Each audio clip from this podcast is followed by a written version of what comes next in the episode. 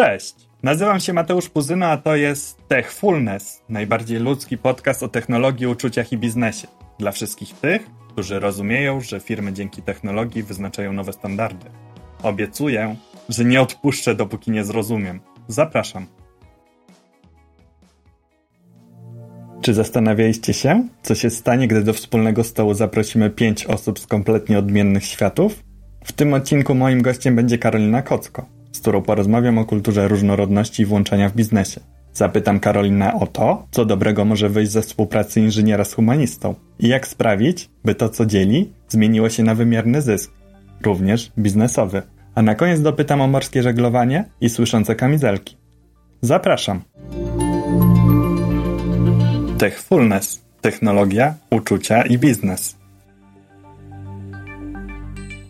No dzień dobry Karola. Spotkaliśmy się dzisiaj, żeby pogadać na ten ważny, istotny z punktu widzenia biznesu, ale nie tylko temat różnorodności i włączania. Możesz powiedzieć coś więcej? Co to jest diversity, a zaraz za tym, co to jest inclusion? Diversity, czyli po polsku różnorodność, to jest generalnie fakt. Fakt, że jesteśmy różni pod wieloma względami. Ze względu na cechy charakteru, ze względu na płeć, na narodowość, na sposób myślenia i wiele, wiele innych kryteriów, które czynią nas unikalnymi. Natomiast inclusion, czyli włączenie, inaczej inkluzja, to jest to wszystko, co sprawia, żeby właśnie ta unikalność mogła się zadziać. Czyli to, że każdy, każda, będąc tą niepowtarzalną osobą, może czuć się dobrze, może realizować swoje indywidualne talenty, może czuć się szanowany, szanowana. Czy to jest tak, że każdy z nas jest unikalny? Każdy z nas jest unikalny, każdy z nas jest wyjątkowy. Gdzie jest ta granica? Ludzie dzielą się na tych, którzy jedzą zupę pomidorową z ryżem i na tych, którzy jedzą zupę pomidorową z makaronem. Takich rzeczy, które nas dzielą, możemy wymyśleć nieskończoną ilość. Gdzie jest ta granica? Kiedy my jesteśmy włączający, a kiedy nie? Ja bym tu generalnie nie mówiła o granicach. To wszystko jest na jakimś spektrum, na jakimś kontinuum różnych wymiarów, gdzie każdy z nas pod względem każdego z tych wymiarów gdzieś się znajduje na tym kontinuum. W związku z tym to nie jest tak, że jest jakaś norma, jakieś odejście od tego, jakaś różnorodność i jej brak, bo to jest kwestia pod jakim kątem my spojrzymy. Generalnie chodzi o to, że każdy jest wyjątkowy i to jest super i każdy stanowi taką normę samą w sobie. Czy możemy powiedzieć, że tak naprawdę każdy z nas jest normalny? Dokładnie tak. Spotkałem się z formułowaniem, że skoro należy do większości, to dlaczego w ogóle jakim prawem ja się mam dostosowywać do tych mniejszości? W ogóle jak możemy zakwalifikować się do grupy większości? To moje pierwsze pytanie. Myślę, że to nie jest kwestia dostosowywania się kogokolwiek do kogokolwiek, czy kwalifikowania się do jakiejkolwiek z grup, tylko otwarcia się wszystkich na wszystkich, czyli uwzględnienia różnych punktów widzenia, różnych potrzeb, niezależnie czy w jakimś wymiarze ze względu na jakąś cechę dana grupa stanowi taką większość statystyczną. Chodzi o to, żebym ja się otworzyła na ciebie, żebyś ty się otworzył na mnie, na to, jakie mamy potrzeby i żebyśmy w dialogu dochodzili do tego, jak chcemy funkcjonować, jak chcemy tą naszą relację budować, jak chcemy razem działać. Załóżmy, że mnie kupiłaś. Jestem przekonany do tego, że chcę włączać ludzi różnorodnie, być osobą włączającą. Czy masz jakiś przepis na ciasto, jak to możemy zrobić? Tak jak słyszę, jaki mam przepis, to od razu mam przed sobą obraz, że chciałbyś taką receptę prostą. I z jednej strony jest ona prosta, ale niełatwa. Generalnie chodzi o to, żeby po pierwsze otworzyć się na tą drugą osobę, czyli zrobić ten pierwszy krok ujrzenia tej drugiej osoby, jej potrzeb, może jej inności, z takim autentycznym zaciekawieniem. I myślę, że to słowo zaciekawienie jest takim słowem kluczem, zaciekawieniem, co ta osoba może wnieść do naszej relacji, do pracy zespołowej. Nie zawsze jest tak, że ta otwartość jest dla nas naturalna, ta otwartość na to, co jest inne, niekoniecznie nam znane, łatwiej nam jest funkcjonować w środowisku, gdzie osoby myślą tak samo jak my, które mają takie same potrzeby jak my. Wtedy nie musimy ustalać tych rzeczy, nie musimy się właśnie otwierać na innych, zaciekawiać, bo my już wiemy i możemy w określony, dobrze nam znany sposób funkcjonować. Tak, ale tak sobie myślę, że ludzie lubią się zrzeszać, lubią się koncentrować wokół jakiejś wspólnej idei. I proszę bardzo, mogą się zrzeszać i koncentrować, bo to nie do końca jest o zrzeszaniu, tylko o takim pokonywaniu pewnego rodzaju naturalnego oporu, który się w nas może rodzić. Jeżeli potraktowalibyśmy otwarcie się na różnorodność i włączanie jak pewnego rodzaju zmianę w naszym sposobie postępowania, to możemy na nią spojrzeć przez pryzmat krzywej zmiany. Krzywa zmiany najpierw ma fazę zaprzeczenia, później właśnie fazę oporu, dopiero potem mamy fazę eksperymentowania i zaangażowania w tą zmianę, no i w jej rezultaty. Dlatego też ta faza oporu jest naturalną reakcją na zmianę. Oczywiście u niektórych może trwać ona krócej, to są tacy entuzjaści zmiany, a niektórzy potrzebują trochę więcej czasu. I to jest istotne, żeby zarówno ta osoba, która odczuwa jakiś dyskomfort, zdała sobie sprawę, okej, okay, to może być właśnie ten moment, kiedy odczuwam ten naturalny opór i co w związku z tym mogę ja zrobić, co to mi mówi, a z drugiej strony, żeby osoby, które zapraszają do tej zmiany, też zdawały sobie sprawę, że akurat ta osoba może być w tej fazie i być może potrzebuje więcej informacji, może potrzebuje więcej czasu, potrzebuje przepracować sobie pewne rzeczy, stereotypy uprzedzenia, czy też sposób postrzegania, który ma głęboko zakorzeniony, na przykład wyniesiony ze środowiska, w którym dorastała. Powiedzieliśmy sobie, że jest ta faza zaprzeczenia, po niej następuje faza oporu, no i zaraz przechodzimy do tej fazy eksperymentowania. Jak możemy poznać tą osobę, która jest w tej fazie eksperymentowania? Czy ona nam to powie? Możemy jakoś zaobserwować to? To, co możemy na przykład zaobserwować, to entuzjazm, zaciekawienie, uśmiech. Taka osoba może zadawać wtedy bardzo dużo pytań, będzie chciała się więcej dowiedzieć, choć oczywiście nie zawsze ta faza będzie taka w pełni pozytywna, bo tak jak każdy eksperyment może się nie udać. Ważne, aby nie poddawać się w tych próbach, tylko ciągle z ciekawością do tego podchodzić. Jak sobie tego tak słucham, to tak sobie myślę, że to jest trudne.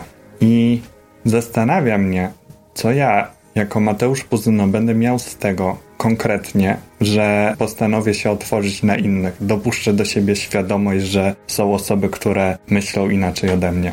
Co będziesz miał? Ciekawszy świat wokół siebie, bo różne osoby to różne spojrzenia, różne perspektywy, więc taki bardziej kolorowy świat. Natomiast jeżeli chociażby byśmy spojrzeli przez pryzmat biznesowy, przez pryzmat organizacji, to te różne perspektywy prowadzą do większej kreatywności, do innowacyjności. Przykładowo, gdybyś chciał założyć startup, to wolałbyś założyć go z pięcioma osobami dokładnie takimi jak ty, które wniosą dokładnie to, co ty, czy wolałbyś różne osoby z różnymi punktami widzenia, doświadczeniami, kompetencjami, które mogą stworzyć coś wyjątkowego? W zasadzie to nie wiem. Dlaczego powinienem włączyć te różne osoby do mojego projektu? Co mi to da? Te różne punkty widzenia mogą powodować, że projekt, produkt, który tworzycie, będzie lepiej dopasowany do tej grupy, do której go kierujecie. Możecie wpaść szybciej na bardziej innowacyjne, ciekawe, nietypowe pomysły. No bo wtedy masz de facto pięć różnych głów niż jedną taką samą razy pięć. Jak tego słucham, to mam doskonały przykład z mojego doświadczenia. Nie wiem, czy chcę, żebym się z nim podzielił z tobą. Oczywiście. Miałem taką sposobność, że prowadziłem warsztaty na uczelniach technicznych o budynku 4.0. Z młodymi studentami projektowaliśmy budynek przyszłości. No i tak się złożyło, że na ten warsztat przyszli mi sami inżynierowie. Mam tu na myśli płeć mężczyzn. No i oczywiście stworzyliśmy doskonały budynek. Nie miałem do niego żadnych wątpliwości. Wykonali świetną robotę. Ale po jakimś czasie ja poszedłem z tym samym warsztatem na bardzo znane w Warszawie przedsięwzięcie Woman in Tech, gdzie nad tym samym case'em pracowałem z inżynierkami, z samymi kobietami. I wiesz co się okazało? Okazało się, że kobiety zwróciły uwagę na zupełnie inne aspekty niż zrobili to mężczyźni. I taki przykład, który mnie zaskoczył. Dziewczyny zaprojektowały w garażu podziemnym taką platformę, na którą wjeżdża samochód. One już są dostępne, możemy je kupić. Wjeżdża samochód, ta platforma podjeżdża do góry i dzięki temu na jednym miejscu parkingowym, które masz, możesz zaparkować dwa samochody. I jedna z inżynierek mówi do mnie tak: Wiesz, Mateusz, ja korzystałem z takiego podjazdu i go trzeba zmienić. Ja mówię: No ale dlaczego? Co jest w nim nie tak? A ona mówi, wiesz, bo jak ja wysiadam z tego samochodu w szpilkach, i ta kratownica, z której to jest zrobione, to ta szpilka mi się blokuje w tej kratce i ja mogę z tego łatwo spaść. To jest dla mnie niebezpieczne, trzeba to zmienić. I ja wtedy, wiesz, Karola, oczy takie i mówię, matko, przecież ja w ogóle nigdy w życiu nie miałem tych szpilek na nogach, w związku z czym nigdy bym nie zwrócił uwagi na to, że ten materiał faktycznie trzeba zmienić. Bo z mojego punktu widzenia jako inżyniera, to taka kratownica jest super produktem, bo jest lekka i tania. No właśnie, i to jest doskonały przykład tego, o czym mówimy, bo jak możesz zaprojektować produkty odpowiadające na potrzeby wszystkich Twoich klientów, kiedy na przykład Twój zespół składa się tylko z połowy reprezentantów populacji, do której kierujesz te produkty? Techfulness technologia, uczucia i biznes.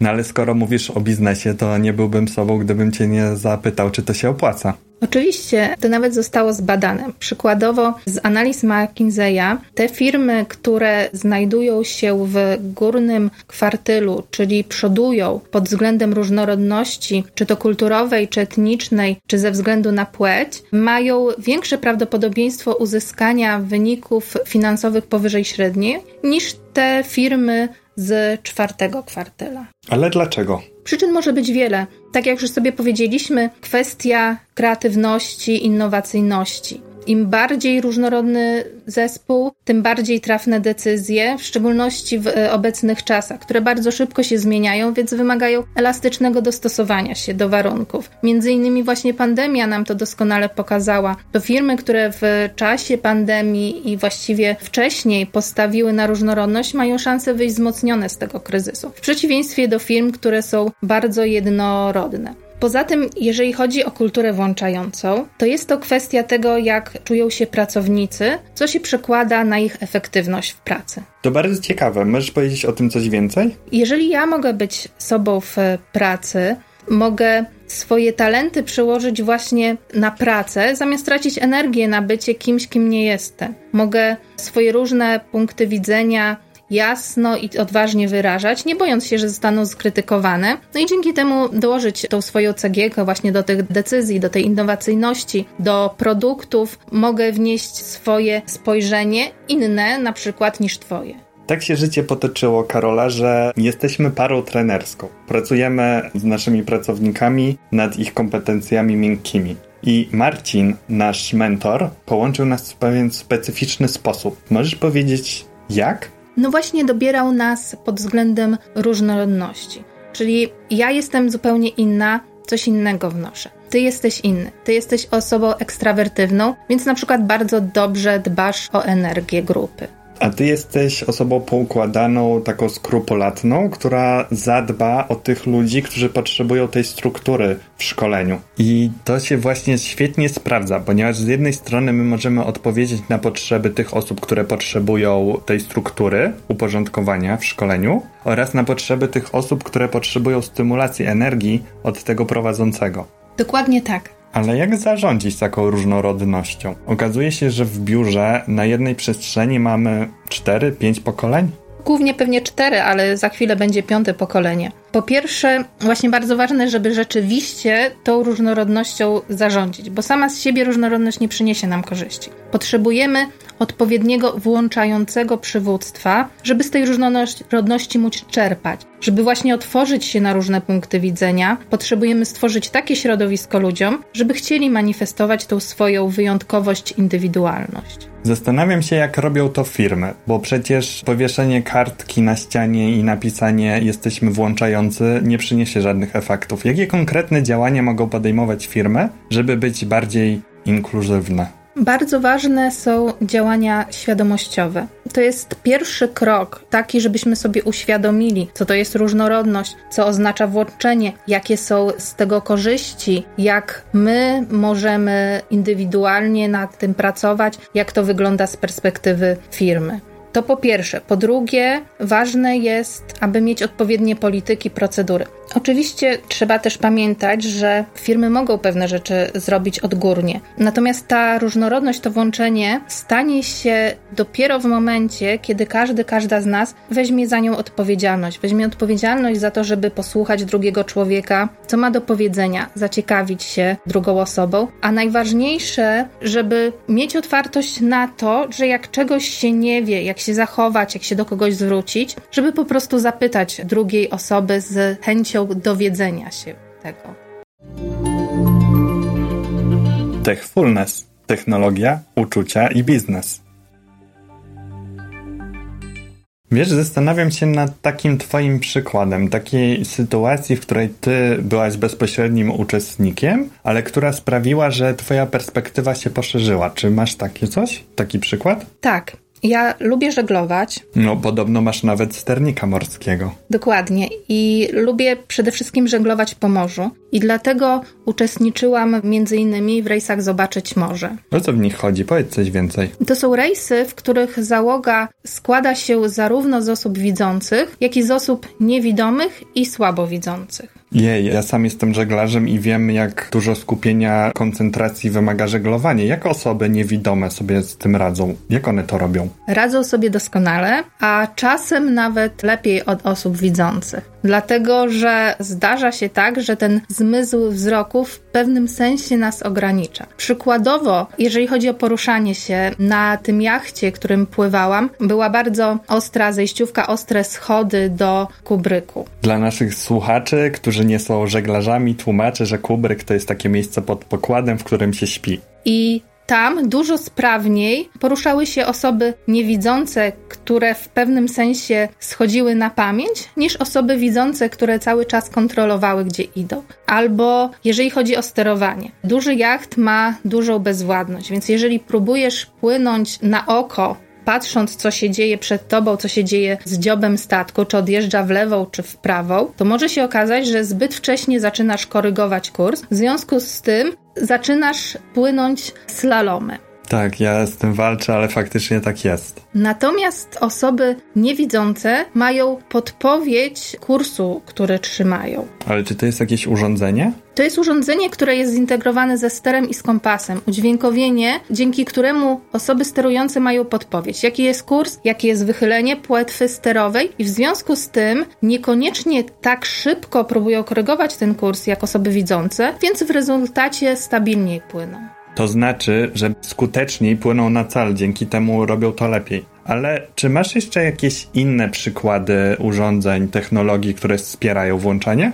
Technologia może wspierać na wielu płaszczyznach. Tak jak powiedzieliśmy tutaj, osoby z niepełnosprawnościami mogą dzięki technologii uczestniczyć w tych aktywnościach, w których inaczej nie mogłyby wziąć udziału. No oprócz wspomnianych mamy chociażby obsługę głosową telefonów czy innych urządzeń, ale mamy też technologie, które wręcz mogą nam zastępować zmysły. Powiedz coś więcej. Przykładowo neuronaukowiec David Eagleman opracował zespołem kamizelkę, która pozwala słyszeć plecami. Co to oznacza? To znaczy, że kamizelka ta przetwarza dźwięk na bodźce, które odczuwasz na plecach. Jeżeli nauczysz się, a właściwie twój mózg się nauczy, co oznaczają te bodźce, no to w pewnym sensie możesz słyszeć plecami. Wiesz, ja kiedyś brałem udział w konkursie, na którym to robiliśmy jakiś projekt. Ja pamiętam, że przegraliśmy z projektem innego zespołu roboczego, który stworzył rękawiczki, które tłumaczą język migowy.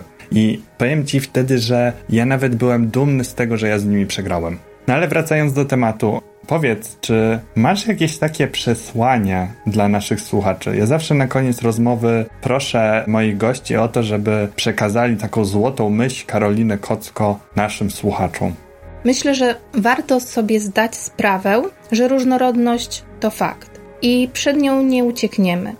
Dlatego warto się na nią otworzyć, aby móc z niej korzystać. Otworzyć się Czyli jest to relacja dwustronna. Ja się otwieram na ciebie, ty się otwierasz na mnie. I to nie jest jakiś punkt, do którego dojdziemy, tylko ścieżka, którą wybieramy, żeby nią kroczyć. To znaczy, że to jest praca, która się nigdy nie skończy? To nie jest praca, to jest przyjemność. Dzięki Karola, że zgodziłaś się dzisiaj wpaść do naszego programu. Dzięki. A Was zapraszam bardzo serdecznie do tego, żebyście podzielili się swoimi opiniami, dali komentarz, co Wam się podobało, a co nie. A za miesiąc zapraszam Was już do wysłuchania naszego kolejnego odcinka.